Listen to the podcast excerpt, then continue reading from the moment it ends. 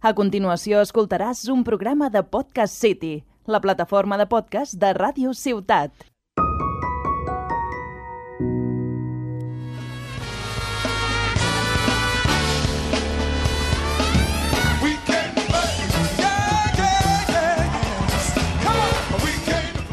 Hola, hola a tothom, benvinguts a La Partida, un podcast dedicat als jocs de taula i als jocs de rol. Jo no sóc en Jordi Nadal i és que avui, aprofitant que diumenge va ser 1 de maig, Dia del Treballador, nosaltres, els proletaris d'aquest podcast, hem pres els mitjans de producció i hem col·lectivitzat el programa. Ué! Així que, prou Tower of Power, si us plau, una mica de huelga general de la Polla Records en un dia tan assenyalat.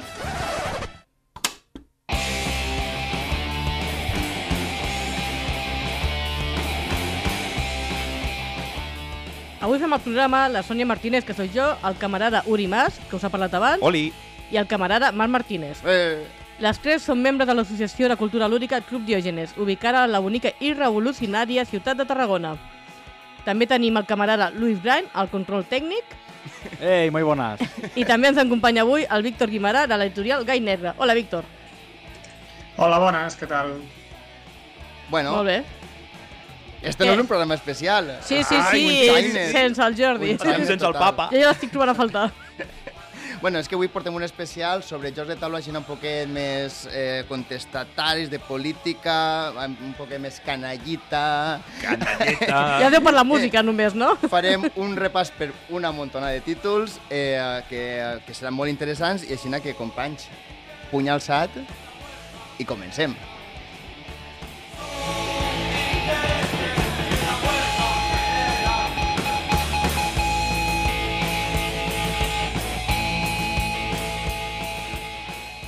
Bueno, abans que res... Un moment, un moment, un moment. Abans Eh. que res, abans que res, si us plau, anem a sentir l'himne. Quin himne, Lluís?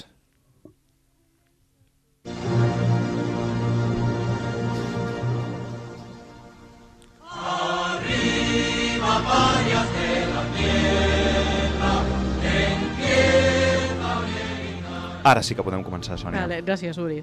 Eh, tot això és una broma, eh? O sigui, no, No. hem iniciat una revolució a la ràdio... I vull confirmar que el Jordi està bé, simplement que aquesta setmana tenia feina, vull dir, hem aprofitat que les tres estàvem animades en fer aquest programa per agafar-li el relleu. No patiu, la setmana que ve el Jordi tornarà. Fans del Jordi, fans Sí, del tranquil·litat, no abandoneu, tranquil·litat. no abandoneu el barco. Tranquilitat, tot va bé. I amb aquest himne de la Internacional comencem aquest especial fent un parell de punts històrics que hem trobat sobre el tema i que ens semblaven interessants. El primer és, un cop més, recordar la història del Monopoly, de la que vam Perquè parlar al trobo- capítol... El? Trobo que en aquest podcast es parla massa del Monopoli. Es, es parla massa i massa malament, vols dir? També. No, no, no, parla bé. Avui parlarem bé. Avui parlarem avui sí, bé, avui perquè sí. no parlarem del Monopoly. Perquè del Monopoly en vam parlar a l'especial 8M, que és el programa número 22 d'aquesta temporada. Eh, I per què dius el 8M i Monopoly? Per què Monopoly dones, Sònia? Bueno, perquè hi ha una senyora que és molt famosa, la- bueno, és famosa ara, pobreta. És un l'Elisabet moment, un moment, que la internacional està una miqueta forta. Que estàs... Sí, no cal tapar Nos venimos un poco arriba. Pensaba que t'agradava així, no? Dale, sí, Sònia. I, i li agrada així. Però llavors no s'encén a mi.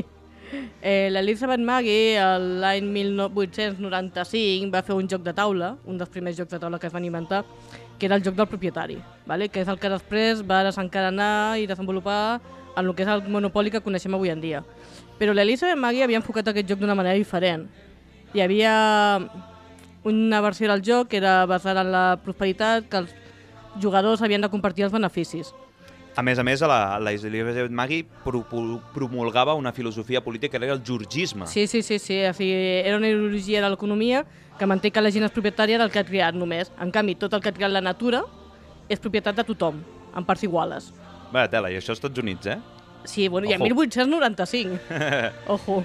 Després tenim un altre referent històric que, que es diu Punk a Squith, publicat el 1909 per l'organització britànica Unió Social i Política de les Dones, WSPU, en les seves sigles britàniques, Eh, I el títol, Punk a Squith, ve de la líder sufragista, per una banda, Elizabeth Pankhurst, i per l'altra, Squith, el primer ministre britànic H.H. Asquith. Bàsicament és ocupar un taulell que representa els carrers de Londres, per una banda les sufragistes radica radicals que havien d'irrompre la cambra dels comuns, Per què, per què radicals?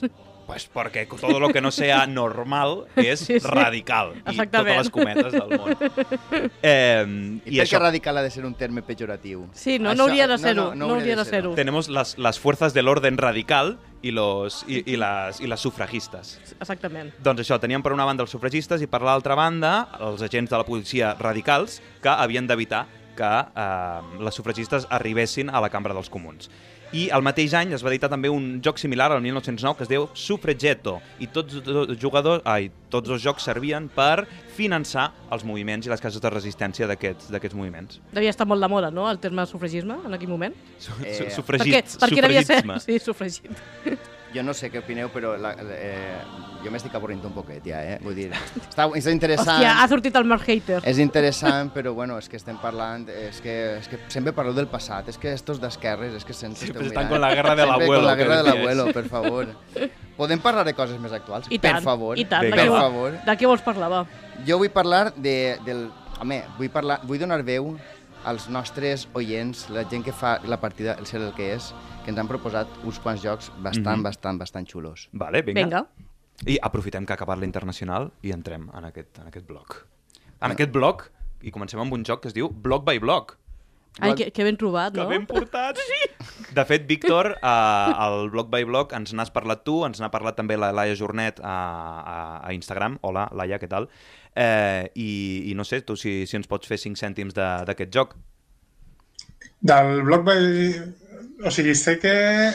O sigui, si, si haig de ser sincer, Mm -hmm. no l'he jugat. Bueno, Ja, nosaltres Bueno, nosaltres tampoc, tampoc, eh? nosaltres tampoc, no pateixis. No passa res. I probablement Vale, els oients llavors- tampoc.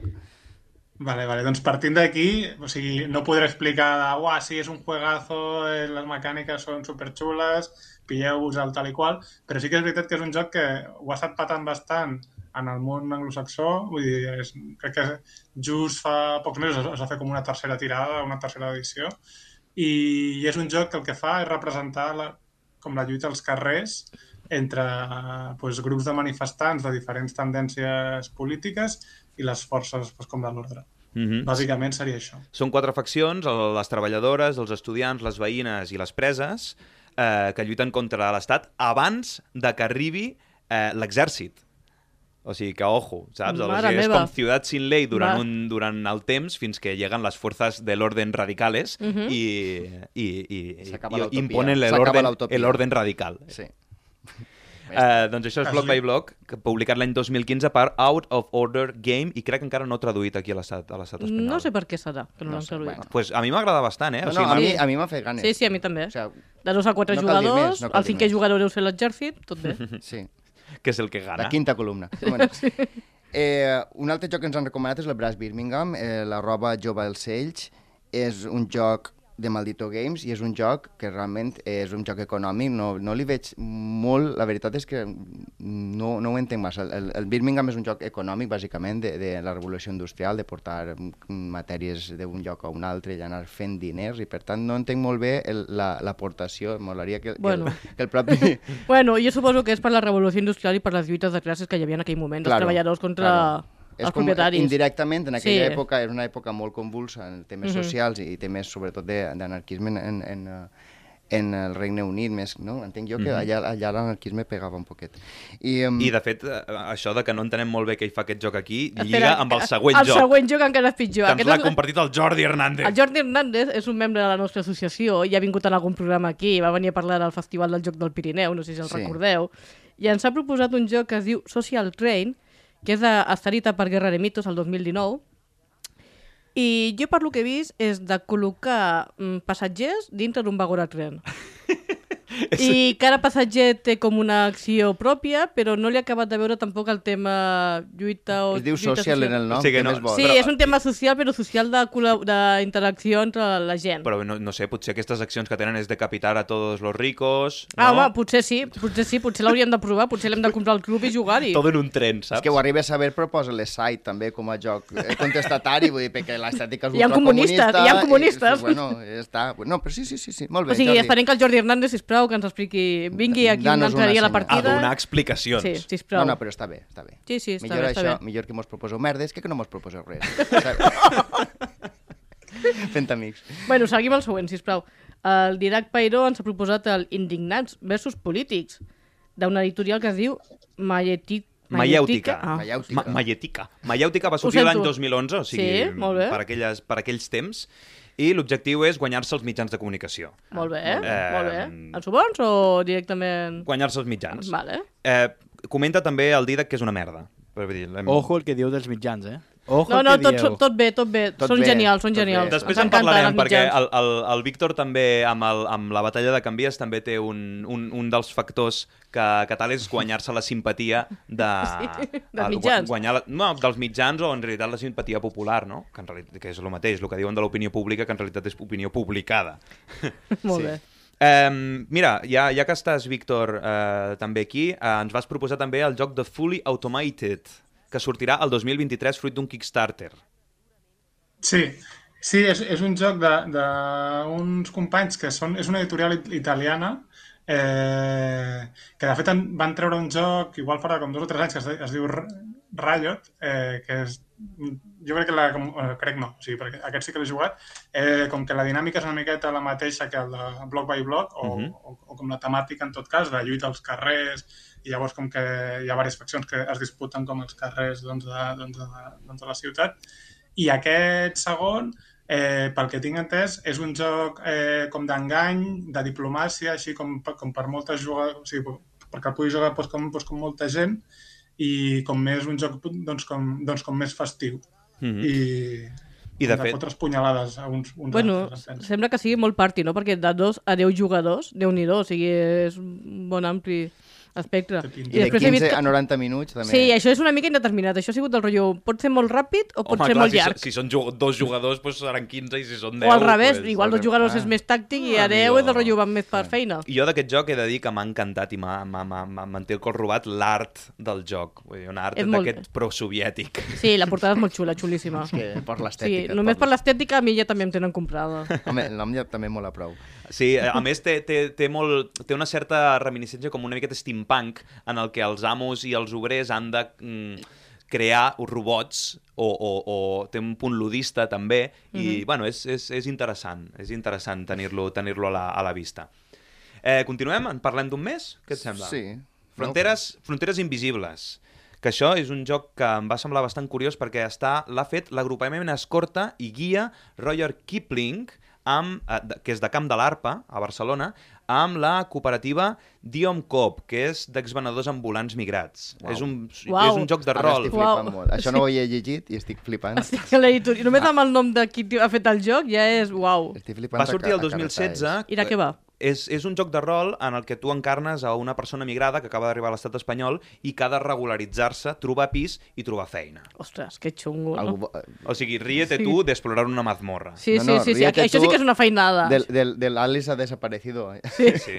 L'Alice és un joc de Disney al costat d'aquest. Ostres, No, no, mola, mola. Realment Sí, sí. mola, perquè els jocs de rol exploren coses que realment no exploraries d'altra manera. I de fet la, la Diom Cop ho, ho porta uh, com a tallers, igual com l'Alice ha desaparecido, que és l'últim programa que vam, que vam publicar la setmana passada, també té la seva vessant educativa, uh, la gent de Diom Cop també porta aquest, aquest, aquest joc a les escoles per, per reflexionar Està sobre bé. el tema de la, molt de la Està molt bé, sí, molt sí. interessant, sobretot per generar empatia en aquestes persones que, joder, només fent, o sigui, a intentar-se guanyar la vida.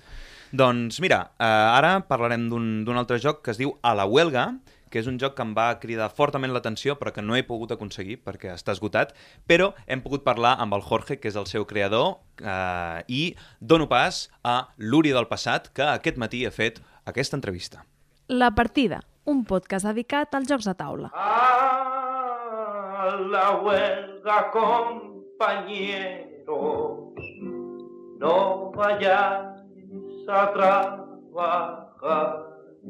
Doncs moltes gràcies, Uri del futur. Connexió especial. Estem aquí amb el Jorge de Rutas Zaragoza Rebelde. Jorge, ¿qué tal?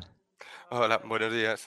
Buenos días, buenas tardes, buenas noches. Bueno, Eh, según la hora que nos escuchen nuestros oyentes del podcast, explícanos un poco qué es esto de Ruta Zaragoza Rebelde. bueno, Rutas Zaragoza Rebelde son unos recorridos po- por, la ciudad en base sobre todo a historia del movimiento obrero. Así que pues bueno, es para conocerla de otra manera como se suele ver, no tanto eh, la historia igual de los monumentos, sino más bien de la gente que la hizo y de cómo sobrevivía en el día a día y de cómo tenía que luchar para sobrevivir también. Y bueno, sacamos primero una de como más general de movimiento obrero, que está asociada con Rutas Barcelona Rebelde, que la lleva otro chico de Zaragoza que se fue y bueno, siempre muy, muy recomendables, que tienen mucho que ofrecer la ciudad. Luego ya sacamos una de Mujeres Rebeldes, eh, luego otra de Revuelta en la Vieja Zaragoza, que es como la precuela de todo esto, las primeras revueltas, y luego llegó la pandemia, y como no se podían hacer visitas, lo, lo pasamos a juego de mesa para, para entonces, que ya se venía pensando, pero bueno, al final eh, sí que era con todas estas historias coger la, coger la base para volverlo un juego, así de cartas chiquitín para jugar en casa. Te iba a preguntar de cómo salió la idea, pero es súper es súper curioso que la idea no fuera, no, pues mira, me gustaba el tema de los juegos de mesa, que supongo que también, ¿no? Pero que fue como, ¿cómo nos reinventamos como, como rutas históricas en pandemia? Pues vamos a crear un juego de mesa. Así que qué curioso y qué interesante, así que felicidades. Gracias. Eh, decidisteis crear un Berkami que pedíais 2.000 euros y conseguisteis eh, unos 3.800, o sea, casi el doble de lo que, de lo que pedíais. ¿Qué tal con, con eso? La verdad es que muy bien porque no había, o sea, no había experiencia en ver ni en hacer juegos de mesa, pues simplemente me, me gustaba la idea y bueno, pues con un, en la cuarentena, eh, con insomnio porque me quedé en paro de trabajar de noche, o sea, muchas horas libres, eh, pues con un Word, irte haciendo las reglas, irte haciendo todo y cuando ya ves que más o menos está el juego, lo has probado con gente, sacar el Berkami que dices, pues con lo que salga vamos a ver cuánta tirada hacemos. Salió bastante bien y nos pasó eso, que se agotó. Sacamos 400 y de esas unas 180 se habían vendido en Berkami, el resto llegaron a tiendas y, y en unos meses Y- pues y ya, ya no no. quedaban más. Ya, ya, yo fui de los que intenté conseguir una, me intentaron conseguir una para un, para un regalo y al final ¡ah! me quedé sin. Eh, oye, y las, las dinámicas del juego, has dicho que es un juego de cartas. eh, ¿En qué juegos te basaste para, para crear este juego? Pues realmente estaba un... Es curioso porque al ser el primer juego que hacía no me basé mucho en juegos que conociera, sino un poco irse ocurriéndome reglas, pero entiendo que se parecen a bastantes igualmente. Eh, al final es una dinámica de dos bandos eh, y es todo con cartas que tienen estrategias. O sea, tú tienes en la mano unas cartas con una serie de estrategias, seas la patronal o seas la plantilla, porque recreas un conflicto sindical en el juego. Y bueno, supongo que todos esos efectos en cierta manera se pueden parecer casi a las cartas Magic o a las cartas Pokémon, que me puede sonar. Y luego eventos que van sucediendo cada turno, pues cosas de- del mundo real que también eh, van afectando a la partida. Se trataba de que fuera muy realista, porque todo lo que sucede está basado en, en un evento histórico real, en, en tácticas de lucha que se usan o ya no se usan. Y lo bueno de decir algo histórico es que puedes decir cosas que igual hoy en día eh, tendrías un viaje de ida a un tribunal, pero realmente estás hablando de historia. Claro. Entonces, bueno, eh, lo recreas, ¿no? Juegas con eso y se aprende aparte de pasar un buen rato.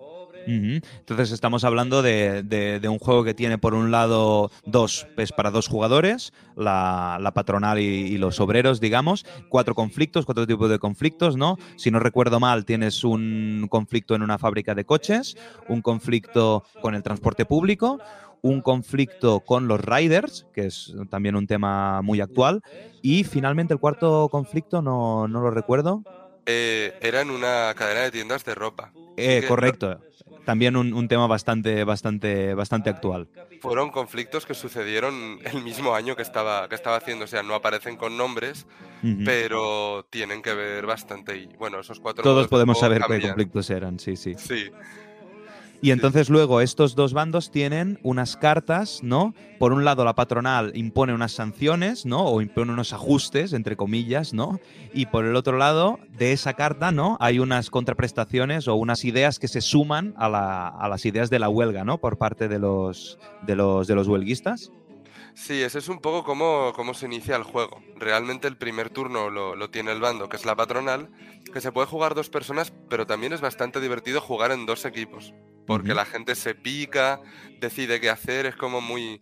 Te imaginas, ¿no? Decidiendo qué hacer, discutiendo en, el- en la propia realidad. Sí. Pero también eh, con, con esos ajustes un poco lo que se hace es iniciar la partida. se quiere arrancar más beneficio imponiendo ajustes y eso pues también motoriza que se salgan a luchar por demandas un poco por la contra. De hecho, son cartas por los dos lados esas. Ujú. Y luego ya las estrategias pues son, claro, lo bueno es que puedes hablar un poco de lo que quieras porque las estrategias de la patronal son hablar con medios de comunicación afines, que Sí. bueno, eh, pagas dinero, pero también les bajas puntos de moral, porque hay puntos de moral para que siga el conflicto. Claro, no tiene que haber solo no morirte de hambre, sino también creer que, tiene que, que tienes que seguir. Claro. Eh, tienes otras estrategias como por ejemplo pues llamar a amigos fascistas directamente, es una carta que tiene la patronal. son, yo que sé, también son, pues bueno, históricas. eh, todas las imágenes que aparecen son imágenes que tienen más de 100 años en muchos casos. Entonces también, bueno, luego en el manual, aparte de las reglas, te viene como un mini diccionario de contando en un parrafito todos los hechos que nombran las cartas. Qué guay. ¿Y nos podrías hablar de, digamos, dos o tres ejemplos eh, concretos? Sí, por ejemplo, eh, como uno de los conflictos, que era el que elegí el de, la, el de la tienda de ropa, se trataba de que fueran un sector feminizado. Entonces, la cuestión de los cuidados es muy importante, porque realmente si tienes que llegar a casa y se te asignan todo el trabajo de cuidados, en huelga del todo no te da tiempo a estar.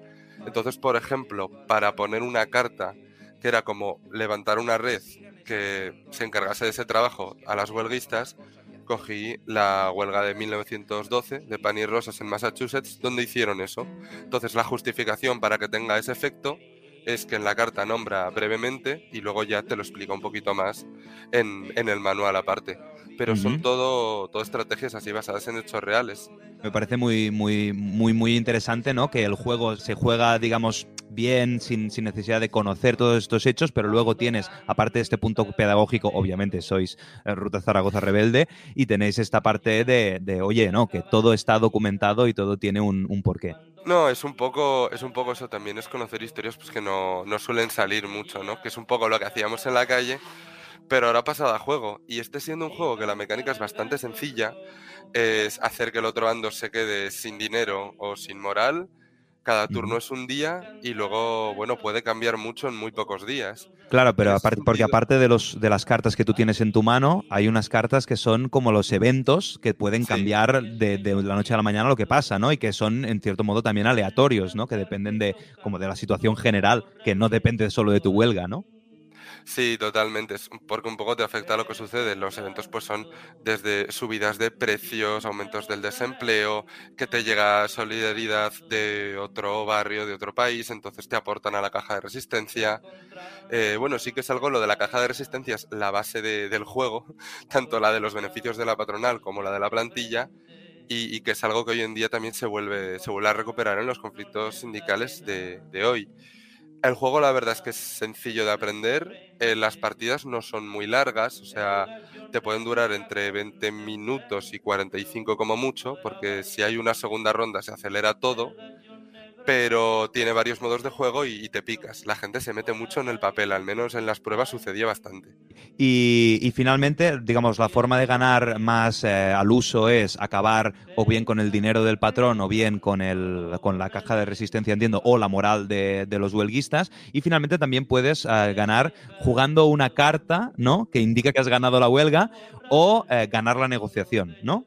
Sí, hay varias. Normalmente es eso, es eh, hacer que se tenga que como que rendir el otro bando, pero también hay, hay como una mesa de negociación sobre esas demandas que vi al principio, que se puede forzar a negociar, se puede no aceptar, pero claro, si un bando gana todas las demandas, se entiende que lo ha ganado. Incluso hay una carta que es eh, la, toma, la toma del medio de producción, colectivizar la fábrica. Ah, sí, sí, sí, tal cual. Es muy difícil de llegar porque se requiere muchísimos puntos de moral. La verdad es que hay que estar un poquito arribísima. Sí, sí. Pero Y muchísimos medios afines. Sí que he visto que sí que he visto que suceda en el juego, bueno, y en la realidad un poco también sucede a veces. Qué guay, pues mira, es que tengo las mismas ganas de jugar como, como, como, como de, de joderme porque no, no lo tenemos porque está agotado. Entonces la última pregunta va por aquí. Mm, ¿Qué? ¿Va a haber una segunda edición o vais a ponerlo en, en, digamos, a libre disposición de que la gente se pueda imprimir las cartas? ¿O cómo va a ir el futuro de esto? Pues sí que queremos sacar una segunda edición, que es algo que nos pasó con la primera, de que como era el primer juego, eres, vas con un poco de cautela, ¿no? De sacamos 400 porque si no era muy caro de producir si hacías pocos. Entonces, para sacar otra tirada tiene que ser de mínimo 400. Así que es posible que salga, es posible que salga una segunda. Pues oye, si necesitáis algún tipo de mecenazgo o cuando lo saquéis y necesitáis eh, mm, cualquier cosa, ya sabéis que tenéis nuestros micros a, a vuestra disposición y estaremos encantadas de, de comprar unas cuantas copias. Pues muchas gracias. Pues muchísimas gracias, Jorge. Te dejamos ya continuar con tus, con tus rutas. Y nada, gracias por atender los micros de la partida. Gracias a vosotros. Un saludo. Que vaya bien. Si me borrara el viento lo que yo canto. Per continuar escoltant la partida, fes una tirada de percepció de 4 o més. Has tingut sort! Orgulloso de estar entre el proletariado. Es difícil fin de mes y tener que sudar y sudar. Venga, Marc. Pa ganar nuestro pan. Luis, sisplau. Y este es mi sitio. Esta es mi gente. Somos obreros. Vale, vale, vale, vale, vale, ok, ok, ok. La no nos palma chula, desla... el- Ay, ay, ay! Canto feo, canto feo, lo sé, no, no te preocupes. No passa Vale, seguim, òbviament no podia faltar el Vals de l'Obrero. Eh, què us ha semblat, el joc? Molt interessant. Jo si també. es fa una segona tirada... Sí, es fa una, tirada, una, una segona tirada, però és que s'ha de fer una segona tirada. Clar, nosaltres ja en comprarem 300, quasi, no? Potser 300 no, però No. 3 sí. Pues eso, muchas gracias Jorge, eh, que ha aguantado al final dándole un ataque de tos, ha aguantado como un jabato. Em feia patir, eh, al final, pobret. Uy, uy, uy, madre mía, escape, escape, Hòstia, escape, escape, estem? escape. Eh, continuem amb, amb, el, Vinga, amb va. aquest especial. Anem a parlar d'uns altres més jocs. Eh, per exemple, Víctor, segueixes aquí? Sí? A veure, em Víctor? sembla que tenim Us ho mutejat. passeu? Ara sí. Sí, sí. Um, un dels jocs que tu també n'havies parlat a les xarxes socials és Which Side Are You On? de Yeast Games 2021, un Kickstarter. Sí, sí, sí. De fet, és, és un joc eh, que també parla molt com de les vagues i del moviment obrer, en aquest cas a la ciutat de Nova York, al 1910-1911. És un joc que això l'ha fet una petita editorial de França i una part de, o sigui, una part de la tirada l'han fet en castellà i eh, segurament eh, la, com que la portarem cap aquí perquè la gent el pugui, el pugui pillar. Oh, això sí que és una bona tenim una notícia. Això sí que és una bona Sí, sí, notícia. primícia, exclusiva. Que bé, Exclusiva. Which Side Are You On? Que guai. Que guai. Pues que guai. De 1 a 4 jugadors, no? Sí. Molt sí, bé. és un joc com de col·locació com de treballadors, cooperatiu i bàsicament això. O sigui, es, ve, es veu que és bastant... O sigui, jo, jo el tinc pendent com de jugar. De fet, aquest cap de setmana segurament hi jugaré. Mm -hmm. ah, I, i ja, us, ja us explicarem. Que bé, que bé, quines ganes. Genial, doncs mira, seguim, seguim, et seguirem la pista. Which Side Are You On també és un tema popularitzat per Pete Seeger, una cançó eh, també del folklore americà. Di- Diria clàssic, però és que als Estats Units, diguéssim, lo clàssic, no... Bueno, bueno, bueno. Seguim parlant, de, seguim parlant de jocs, sisplau, va. Va, anem a fer el, el triumvirato, el triumvirato del PP, Oh! que m'encanta. Vale, vale, vale, això, ahí me tienes. Són tres jocs, o almenys n'hi ha més, eh? però tres jocs que, que estan ambientats en el PP i, i diu PP, diu corrupció. Uh, per ¿Per una qué? banda, es, ¿por qué? No sé de qué me habla. Esa corrupción de la que usted me habla. yo Todo no es sé. falso. No Salvo me alguna acuerdo, cosa. no me acuerdo, Salvo no me cosa. consta. Tenim, per una banda, el Tesorero, un juego de sobres de Crazy Pound Games, que és una versió del Monopoli de cartes, si heu jugat, versió corrupció del PP. Vale. De Vale, dos a cinc guai. jugadors és bastant Guai. divertit, No molt àgil no. i molt fàcil. Després tenim el Ruiz, que, tots sabeu, Ruiz és un dels highlights grandiosos És que del, estic, estic llegint el, rio, el guió i Jo no me sé- l'estic jo no sé rient qui sola. és, què és el cara a cara que van tindre Pedro Sánchez i eh, Mariano Rajoy quan encara hi havia bipartidisme excels aquí, o pràcticament bipartidisme a, a Espanya, Vale. i li va dir, usted és muy ruiz, quan volia dir ruïn. Ah, vale, vale. Aleshores, és un... agafes fragments de declaracions oficials de M. Rajoy Vale. i per crear frases encara més absurdes. Vale. De 2 a 6 jugadors, editat per SYYA Games, SIA Games, 2017, i finalment Ladrillazo. Que hablar del PP es hablar de ladrillazo, de I pelotazo tant, urbanístico. i tant. Creaciones lúcidas sino español, l'any 2018, eh, és bàsicament especular amb immobles, recalificar terrenys, comissions, emmerdar polítics i constructors amb noms reals i convèncer a la ciutadania perquè s'hipotequi. Són- Us sona d'algú? Són molt temàtics. lúcidas o lúdicas? Ah, lúdiques i No ho sé, lúcides, no, no ho sé. sé. Bueno, ha però quedat bé igualment, no? més, Però els tres jocs són molt temàtics, trobo, no? O sigui, molt ben enllaçat amb el tema. Molt bé. Molt bé, molt bé. Què més? Què més tenim, Marc? Pues un joc que es diu Compact, de Novak Iridia, que és de 2017, que és d'estratègia, no l'he jugat mai, però tracta sobre l'experiència d'involucrar-se en els moviments de protesta i les conseqüències legals repressives i solidaris de fer-ho. No sé què, ho estic llegint, no sé, no sé què estic parlant. A mi em sembla, a mi em sembla una, una cosa bastant interessant, perquè quan, quan parles d'integrar-te en moviments socials i tal, mm, és una bona manera doncs, de veure l'interior dels moviments, no? No només eh, en el fet de lo que et passarà si eh, pues, les, les conseqüències legals, les conseqüències jurídiques, les conseqüències a nivell de potser els teus cercles eh, més radicals, i quan dic radicals dic més normals, eh, sinó també les conseqüències positives de, de fer-ho. I el més el fet de que hi hagi Novak i Iridia a darrere, que són dos col·lectius que s'encarreguen de... que treballen per la pau i a més per la defensa dels drets humans, doncs ja és una, és una, és una, Una bona garantia, cosa. és una bona molt garantia. Molt bé. Què més, Sònia? Zona de fondre. Això, sort que ho he dit en francès, perquè jo no va dir, hòstia, no sé ni com pronunciar-ho. L'editorial Autoproducció, del 2017, és un joc cooperatiu contra el projecte de l'aeroport de Notre Dame, d'Eslandes, i el joc tracta de barrar el pas a la policia. I després, mm, bàsicament també basats en fets històrics, i tenim el UO, I 1 més propers, i més propers. bastant més proper, el joc, que és d'en peu de joc, de les companyes i companys d'en peu de jocs, eh, d'en peu de joc edicions del 2020, que és basat en els fets de l'1 d'octubre. Dos bàndols, organitzadors del referèndum, l'Estat i elements i personatges emblemàtics. Emblemàtics. De dos a Com a sis mínim. jugadors. Tots guardem bon record d'aquell dia. Quin dia? Per favor, Marc. Uo! És que m'ha ficat una cara del rotllo. No pot ser que de veritat no sàpiga quin No, no, dia era. sé fer bona cara. Escolta, Vale. ja que estem parlant de jocs nostrats, de jocs basats en, en temàtica d'aquí, catalana i tal, per què no deixem eh, pas al Víctor ja i parlem amb ell dels dos jocs de eh, Gall Negre Edicions. Què et sembla, Marc? Què Sí, sembla, Sònia? A sembla mi em sembla molt bona Però abans hem- haurem de ficar la cançó, una cançó, Una canzoncita. alguna cançoneta més, Claro que no? sí. De- Desalojos son disturbios.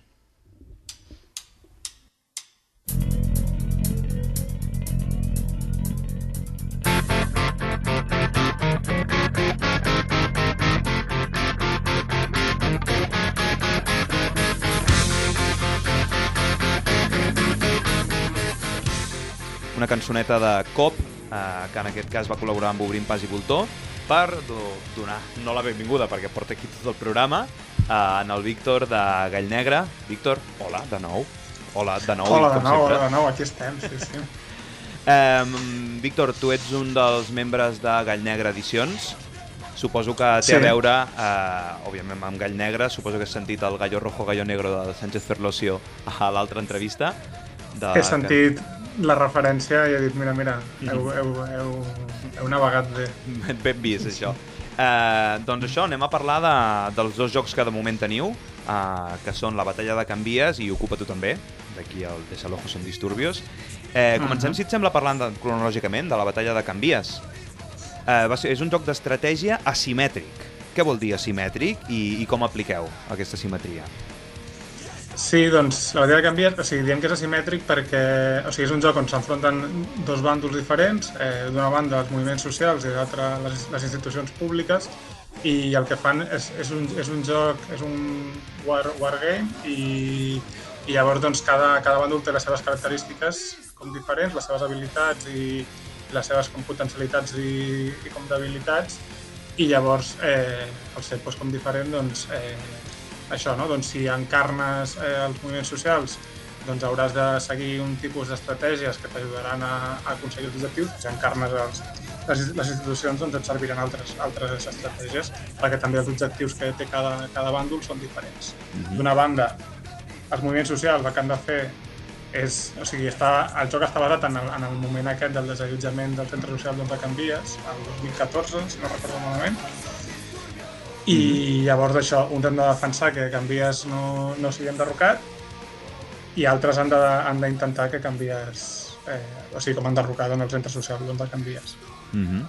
I, I, diguéssim, uh, hi ha altres condicions de, de, per guanyar que no és només aconseguir enderrocar canvies o fer que canvies es resisteixi, perquè la, la història, diguéssim, la realitat supera moltes vegades la ficció i canvies va ser enderrocat almenys parcialment, però uh, va ser reconstruït a més amb una campanya de Berkami que va aconseguir un, un suport massiu, no?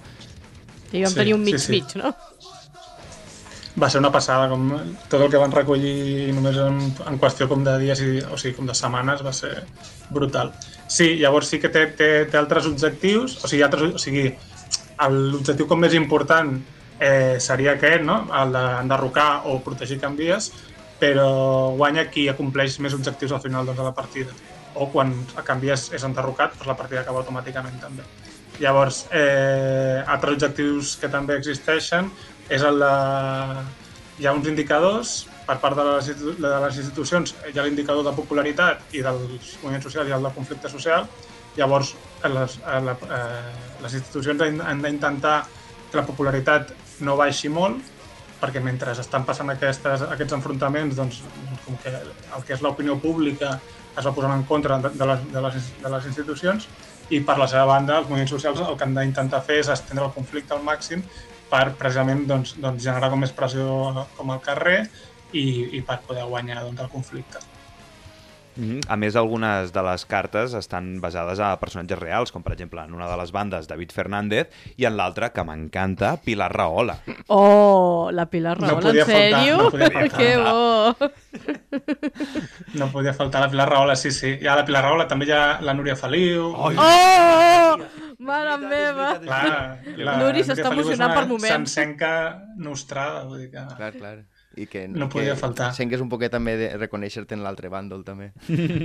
Exacte. I a part, el Plànol és el barri de Sants. O sigui, jo ho sento, però és que porto els últims 10 anys de la meva vida visquent al barri de Sants. Jo he viscut aquests, aquest, aquesta, aquestes rayots i, i m'hi sento molt identificats uh, amb, amb tot el que va passar aquells dies i amb, i amb tot el, bueno, tota l'emoció amb, el, amb, el que es vivia, amb el que es vivia aleshores. I a part és que això, veus eh, la comissaria de plaça Espanya, veus la Model, veus eh, l'Ajunt- l'Ajuntament del Districte, que també està al carrer de Sants, el casal Jaume Conta, que és al costat de l'Espai eh, del Pla de l'Espai Industrial, l'Ateneu Llibertari de Sants, que crec que està a la de la Farga, eh, Mhm. o sigui, tens com tot d'espais que, que diguéssim, es van disputant. I una de les, de les condicions de victòria o, o dels modificadors de victòria era eh, construir eh, per part de l'Ajuntament eh, centres cívics, no?, i per l'altra Mhm. centres socials, oi? Que Exacte, també hi ha, sí, hi ha sí. aquesta disputa política, també.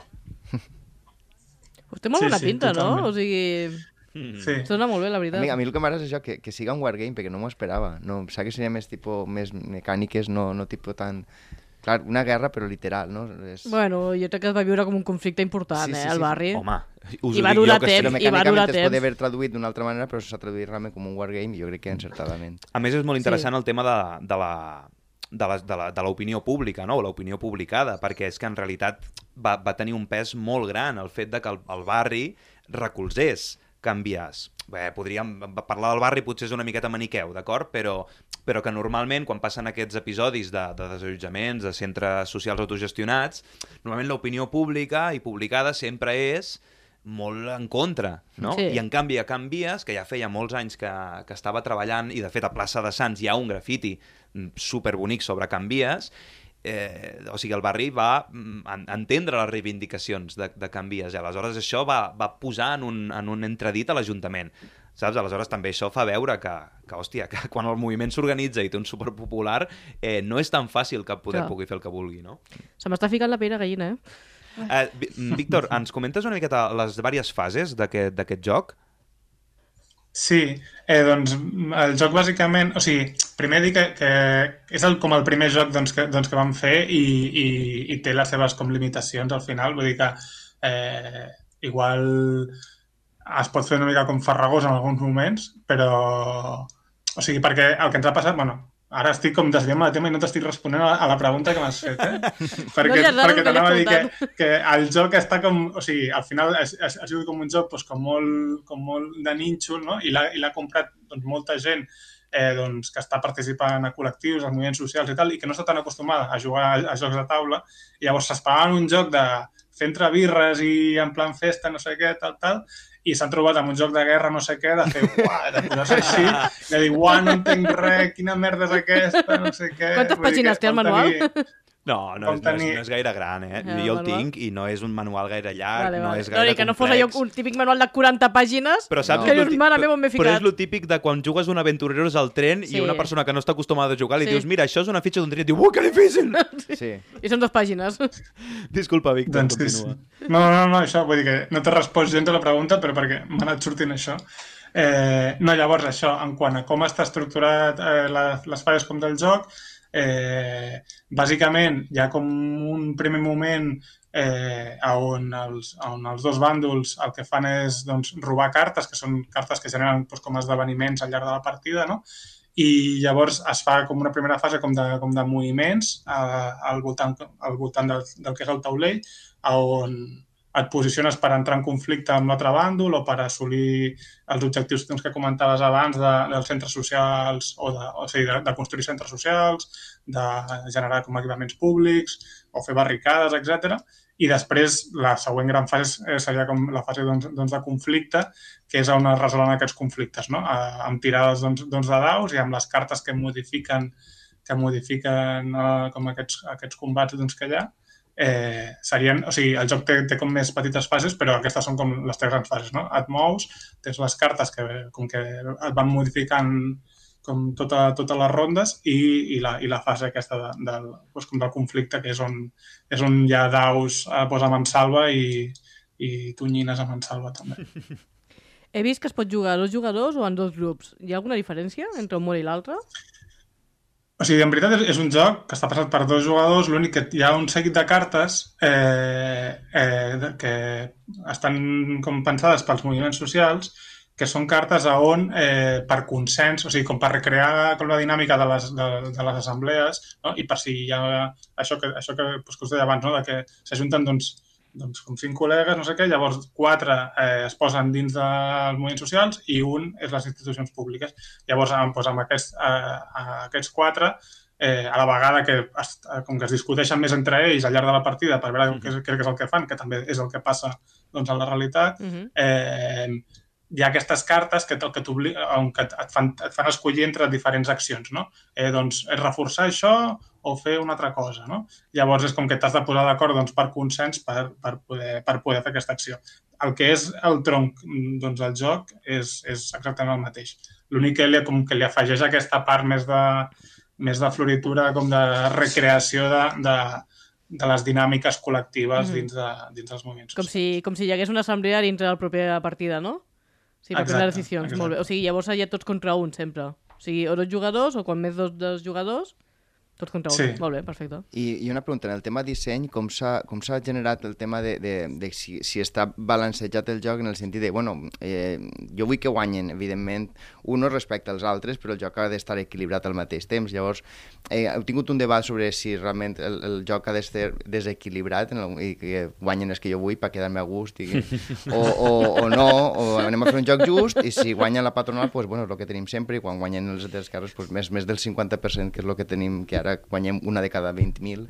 Pues, Eh, diré, I trobo que ets optimista, eh? Sí. Ai, mira, s'ha anat. Ai. De fet, de fet, eh, eh, pel que ens han anat, o sigui, amb les partides de com de testeig que hem anat fer, o sigui, com, com que vam fer doncs, en el seu moment, eh, guanyaven tant uns doncs, com altres i era, o sigui, com que depenia molt també en funció de com de la gent, com de l'expertesa doncs, com de la gent una miqueta i de les estratègies doncs, que, doncs, que feien. Eh, també és veritat que hi ha un factor com de sort bastant, bastant important en quant a les tirades doncs, doncs de daus al final i el que ens ha anat comentant molta gent que ha anat jugant és que pels moviments socials està difícil la cosa. Vull dir que Oh! com el És molt realista. Sí, basat en hechos reales. Molt guai. Bueno, suposo que això, suposo que també recollireu les, les, les crítiques constructives i per de cara a la segona edició, que esperem que n'hi hagi, doncs, doncs suposo que implementareu aquestes noves dinàmiques. Sí, sí. O sigui, no sé si hi haurà segona edició. Bueno, bueno, vinga, vinga. Potser en un futur, ja veurem, ja veurem. Eh, però, però sí, sí. O sigui, de fet es va fer com un, un manual, un segon manual que està penjat a la web perquè la gent se'l pugui doncs, com descarregar a on on hi ha com algunes simplificacions o alguna modificació d'alguna cosa que no s'acaba doncs, com d'entendre doncs, del, primer, del primer llibre doncs, d'instruccions. Per això, no? per, per la- per aquest de, que, que acabem tenint al principi de tot de gent que quasi que només havia jugat doncs, a l'1, per dir alguna cosa, i, i, i de cop es trobava amb, amb, amb un joc així. Bueno, ah, també et dic que, clar, entremig eh, de les dues edicions eh, teniu feina, perquè heu tret un nou joc ara el 2021, al novembre, a través d'un Berkami, que es diu Ocupa tu també. És un joc que vau demanar 6.000 euros per poder-ho publicar i els vau aconseguir i vau superar aquesta fita. Eh, Explica'ns una miqueta, una miqueta aquest joc. Diria que són sis col·lectius no?, que pots triar i bàsicament és reproduir les dinàmiques que has de fer a l'hora d'ocupar un, un espai, oi? Bàsicament, sí, sí. Eh, hi ha sis col·lectius, eh, doncs la PA, el sindicat doncs, d'habitatge, una família al barri, eh, inclús ha també el que és la màfia, eh, i llavors cada, cada col·lectiu necessita un lloc doncs, o, o bé on viure o bé per fer el seu projecte. I llavors el joc bàsicament eh, és un joc que és competitiu, tot i que el fet de donar-se suport i d'ajudar-se, menys amb la màfia, eh, Sí, és com que la màfia té com unes dinàmiques totalment diferents, mm. o sigui, bueno, totalment diferents, no? però té, té com coses que són diferents i, i també ho fa, o sigui, fa que sigui doncs, doncs, com més divertit en aquest sentit. Eh, m'estic perdent. Eh, eh, això, com que, les dinà... o sigui, com que és un joc que és competitiu, però a la vegada has d'aju- has d'ajudar-te com per poder guanyar. Eh, perquè guanya qui té més punts al final doncs, de la partida i eh, bàsicament els punts es fan quan tu has ocupat un espai eh, i aconsegueixes, i, i aconsegueixes doncs, resistir i a la vegada estàs ajudant els altres a que puguin resistir. Mm -hmm. són, les, són, les, són les dues vies doncs, com per sumar punts que hi ha. Hem vist que a, a les fases hi ha una fase de selecció de cartes, una d'organització, una d'ocupació i una final d'ordre i llei, no? que és com que todo vuelva a la normalitat eh, com extrema. Eh, la selecció de cartes podria, podria ser com, com referir-se a una dinàmica de tipus deck building? És, és tipus, sí, és com un draft de cartes. Eh, cadascú té quatre cartes d'inici, llavors eh, doncs, com que en tria una i en passa com la resta i en rep doncs, Vale. les pròpies i, va, i vas construint com, com el teu mazo Uh -huh. eh, i cada ronda doncs, seran cartes diferents. Llavors les cartes sempre són, sempre són recursos. Hi ha recursos d'eines, de diners, de formació i de xarxa. I aquests recursos és el que després la partida doncs, et va demanant. No? O sigui, per ocupar una casa et fa falta aquests recursos i per superar la fase d'ordre i llei, que només afecta quan estàs ocupant, eh, doncs també et demanen aquests recursos. No? Llavors el, el tema és que no saps quins recursos com et demanaran, el tema és també si, si tens molt d'un recurs, doncs potser pots ajudar els altres i això també et beneficia a tu. També els altres potser si, veus que, si veuen doncs, que tens molt, doncs potser et demanen més com perquè sumis aquest punt com de victòria i bàsicament seria això. Eh, el, que, el que és interessant eh, també d'aquest joc és que és un joc on, diguéssim, tu has de fer la teva puntuació, però eh, ajudant els altres puntues. I no només això, perquè suposo que no hi ha la dinàmica que estem acostumades de, de molts jocs de putear eh, te, te, da, te da coses, no? O sigui, en plan, doncs va, vaig, vaig a, jugo la carta de te, entro al, al teu centre i et robo la palanca, no? Jo què sé, o, o et robo els diners, no? Vull dir, aquestes coses que són normals En altres jocs. en altres jocs, no? Vull dir, suposo que en aquí no, no, no estan ni, ni contemplades. Una, una mi sí que està una mica contemplat, però, o sigui, clar, el que, el que us deia abans de, la, de, de sumar punts ajudant és, eh, és el nom que té és eh, solidaritat, no? O sigui, i llavors hi ha, una, hi ha la cara B de la solidaritat que es diu el pes de la solidaritat, llavors que és en la fase d'organització, que és bàsicament quan tu tens la teva mà de cartes i llavors actualitzes els teus recursos i construeixes el que serà com, com el teu torn, eh, en aquell moment hi ha el pes de la solidaritat, que és bàsicament llences un dau i llavors eh, és com que escolliràs una persona per fer l'acció que t'hagi tocat. O sigui, a l'1 és que no passa res, al 2 que potser doncs, eh, un- li demanaràs recursos a un jugador, el 3 és que doncs, t'haurà d'ajudar obligatòriament i no sumarà el punt de victòria per haver-te ajudat. És com que tens... O sigui, sí, sí que hi ha com aquest, aquest anar a fastidiar, entre cometes, Uh -huh. eh, però com una miqueta com a sort. -huh. així. I eh, vau fer mil unitats, oi? Mhm, I sí, sí. on les podem trobar? Doncs el joc està a com ben bé com a 30, a 30 llocs, sobretot està a llibreries a llibreries eh, crítiques o on tenen, on tenen altres, altres... Bueno, o sigui, a llibreries també està en algunes botigues doncs, de jocs de taula. Eh, A Tarragona em sembla però que està a una llibreria que es diu La Capona, perquè l'altre dia el vaig veure. Epa, Sí. Ah, mira, doncs... Jo no ho Doncs- sabia, això. Mira. Diria que sí. Me l'apunto. Ah. T'han entrat a casa, Eh, ojo. Eh? T'han entrat a casa, t'han robat unos Bueno, juegos. estic aquí fent publicitat no, no, no, gratuïta. Espera que hagi publicitat. un està estatge, està no? La publicitat és... Sí, la Capona segur diria que sí, sí, sí. Que estava darrere la caixa. No, doncs, doncs superbé.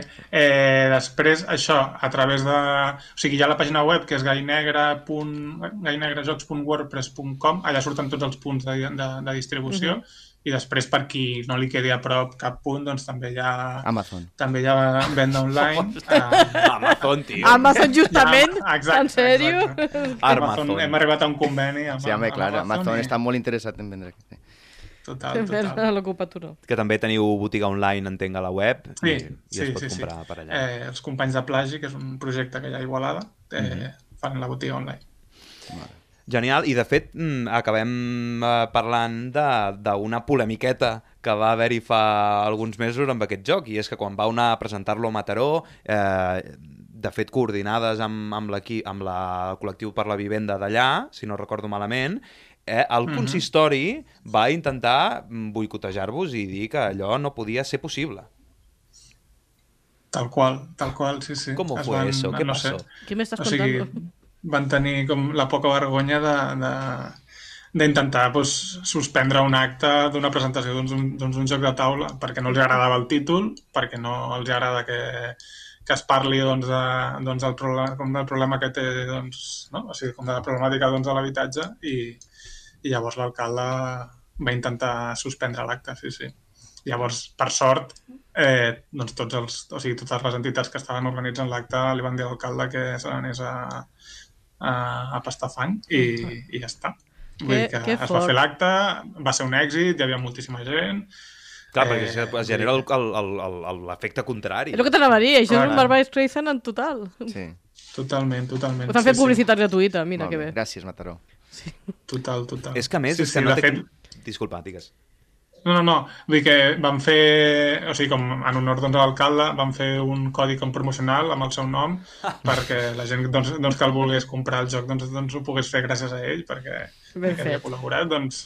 És que, Doncs, clar, és que és tan fàcil, és tan fàcil des desarticular això, perquè és com dius, hòstia, el joc més famós que existeix és el punyetero Monopoly, que és que el punyetero joc ja ho diu amb el, amb el nom, o sigui, és... Sí, vés a, a monopolitzar, no? Vés a fer que els altres acabin eh, comprant, o sigui, acaba comprant totes les pertinences i fes que els altres s'arruïnin. Sí, sí, o sigui, sí. i això està correcte, i és un dels jocs més venuts de la, del món, sí. i en canvi un joc que parla de lo contrari, no, no es No, pot no perquè es és propaganda. És com, hòstia, Mm. I al mateix temps és tan fàcil ser alcalde i pensar que pots dir, no, això no m'agrada, no vull que es faça. Eres alcalde, no eres Déu, saps? A casa teva pots manar, no? Però... A mi, això- aquests alcaldes que es pensen que tenen poder real sobre les coses, em fa molta risa. I de fet, a, a, això em porta a, a una reflexió potser final sobre, sobre el tema de, dels jocs de taula i la política, no? Vull dir, si sempre diem que els jocs de taula són cultura, la cultura és, és, és sempre política. Vull dir, totes les tradicions i tot el que es manté i tot com es manté o com es canvia també també és política i, la, i el fet de l'educació ma mateixa és política, no? Aleshores és, és com, ostres, mm, hem, tingut, hem tingut debat a, a l'equip de la partida, no? quan parlàvem de, de fer aquest programa, no? de dir, ostres, mm, eh, com ho encarem, com ho estem fent, no? i al final dèiem, ostres, però quan, quan, eh, quan parlem d'al- d'altres molts jocs, no? no ens fixem en aquesta dimensió política, parlem de la dimensió de gènere moltes vegades, però Mhm. no ens, a, a vegades Està més normalitzat, no? Potser, o sigui, o està més ben vist, però bueno, al cap i a la fi és el que dius tu, tot és política, per un cantó que per l'altre. I sense rar o no, jo crec que se n'ha de parlar. Aleshores, per exemple, pensem en jocs com l'Spirit Island, no? que, que sí, és, és un joc amb una dinàmica molt interessant, és molt, és molt xulo, va, va tenir un hype en el seu moment, eh, però clar, al final eh, va contra l'imp- l'imperialisme. Mhm. Vull dir, tu eh, ets els esperits d'una illa i els, i els nadius d'una illa que lluiten eh, per fer fora els, els, Els, imperialistes els que ells han vingut a imperialistes. conquerir. Sí, sí. No? I, I també tenim el Secret Hitler, que tu, per exemple, Marc, l'has jugat, oi? Sí, el Secret Hitler al final és un joc que, de rols ocults en el qual pues, el, el, el, les lleis feixistes surten sense voler, perquè realment eh, les dinàmiques de, de, de, de, de quan accedeixes al poder són perverses i, la gent, i, i realment és, és un joc interessant per explorar aquesta vessant de que, de, això, que qualsevol mm, Sí, sí, rotllo, que- rotllo la pel·lícula La Ola, que al final no cal ser un super malo, maloso, villano pa, pa, pa caure en aquestes dinàmiques. Nine! Mm. Això és el que, bueno, la, la, la banalització de, del, del mal, no?, que, de la que parlava Hannah Arendt. Ui, que ens estem ficant molt intenses, eh? Ui, ui, ui, ui, ui, ui, ui, ui. Eh, també, per exemple, tenim el Pic Oil, que està aquí editat a Espanya per Two Tomatoes, que parla de, de, de, de companyies eh, que de manera ultracínica estan eh, explotant les últimes reserves de petroli del planeta mentre s'estan posicionant dintre de l'energia verda, saps? O sigui... Bueno. Aleshores, clar, estem... O el Food Chain Magnate, Ai, que sí, em el sembla que tu Magnate, tens. el, sí, el Function Magnate al final és un joc que, que, que irònicament o no, va sobre una sobre cadena de producció de, de, de menjar ràpid i si no publicites no crees la necessitat de comprar i de crear una superestructura absurda de treballadors i és com entre ironia i no, no saps mai, al final no saps si, si està fent una crítica al sistema o, o no sé, però està, està molt... No, jo crec que és una crítica al sistema, eh? Sí. Sí, i de com la publicitat pot fer... pot crear necessitats a la gent que realment no les tenia o no... Però aquestes? De menjar que- pizzas, que de menjar són- Coca-Coles, és bueno... que són òbvies però que no, és, Sí, no són està clar. explícites. Bueno, perquè ja ho tenim normalitzat en aquesta societat de que el consum és bo. Clar, vull dir que moltes vegades parlem de jocs de taula aquí a la partida i és com, hòstia, eh, mm, donem com a normalitzades certes dinàmiques, no?, i certes maneres de, de, de fer fins i tot en la manera de, de fer dels jocs, no?, I, i, i en les temàtiques que són que semblen normals, i aquí hem fet un programa de juegos contestatarios que, que en realitat ens estem fixant en una dimensió política que, que, que potser s'explicita més, però que és, eh, que és exactament igual, no? No sé si, Víctor, vols afegir alguna cosa en el, en el debat. No, o sigui, que trobo superinteressant el que esteu comentant. Crec que, crec que és necessari com, com reivindicar aquesta part política perquè, perquè hi és sempre, i és, o, sigui, el, o sigui, tot és política, llavors, eh, llavors doncs, fer-ho explícit eh, que, que això, que si hi ha jocs com el, del, el dels petrolers, doncs, però al final doncs, eh, t'estan fotent aquí com un missatge i això és lo normal i que lo anormal sigui no? pues parlar doncs, doncs, d'ocupació eh, pues no, pues també, també és política i, i ho reivindiquen pues com, pues com a tal i crec que és superinteressant aquest, aquest programa que heu fet i en general com, pues com donar el tipus doncs, de contingut que feu, així que pa'lante. Molt bé. Doncs mira, amb aquesta, amb aquesta reflexió del Víctor de Gallnegre ens quedem i anem tancant el programa.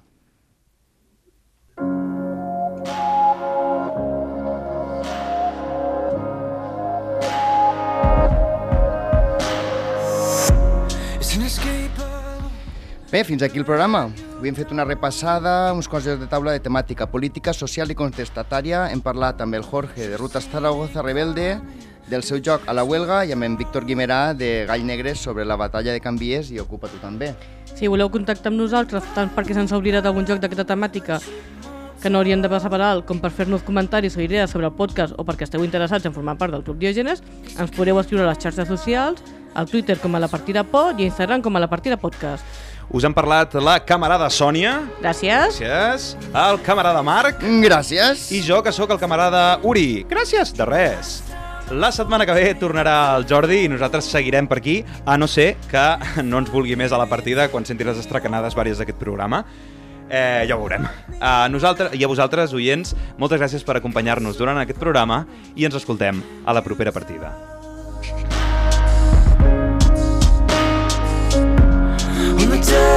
Highway and I can't slow down. But thinking the found. Has escoltat un programa de Podcast City, la plataforma de podcast de Ràdio Ciutat.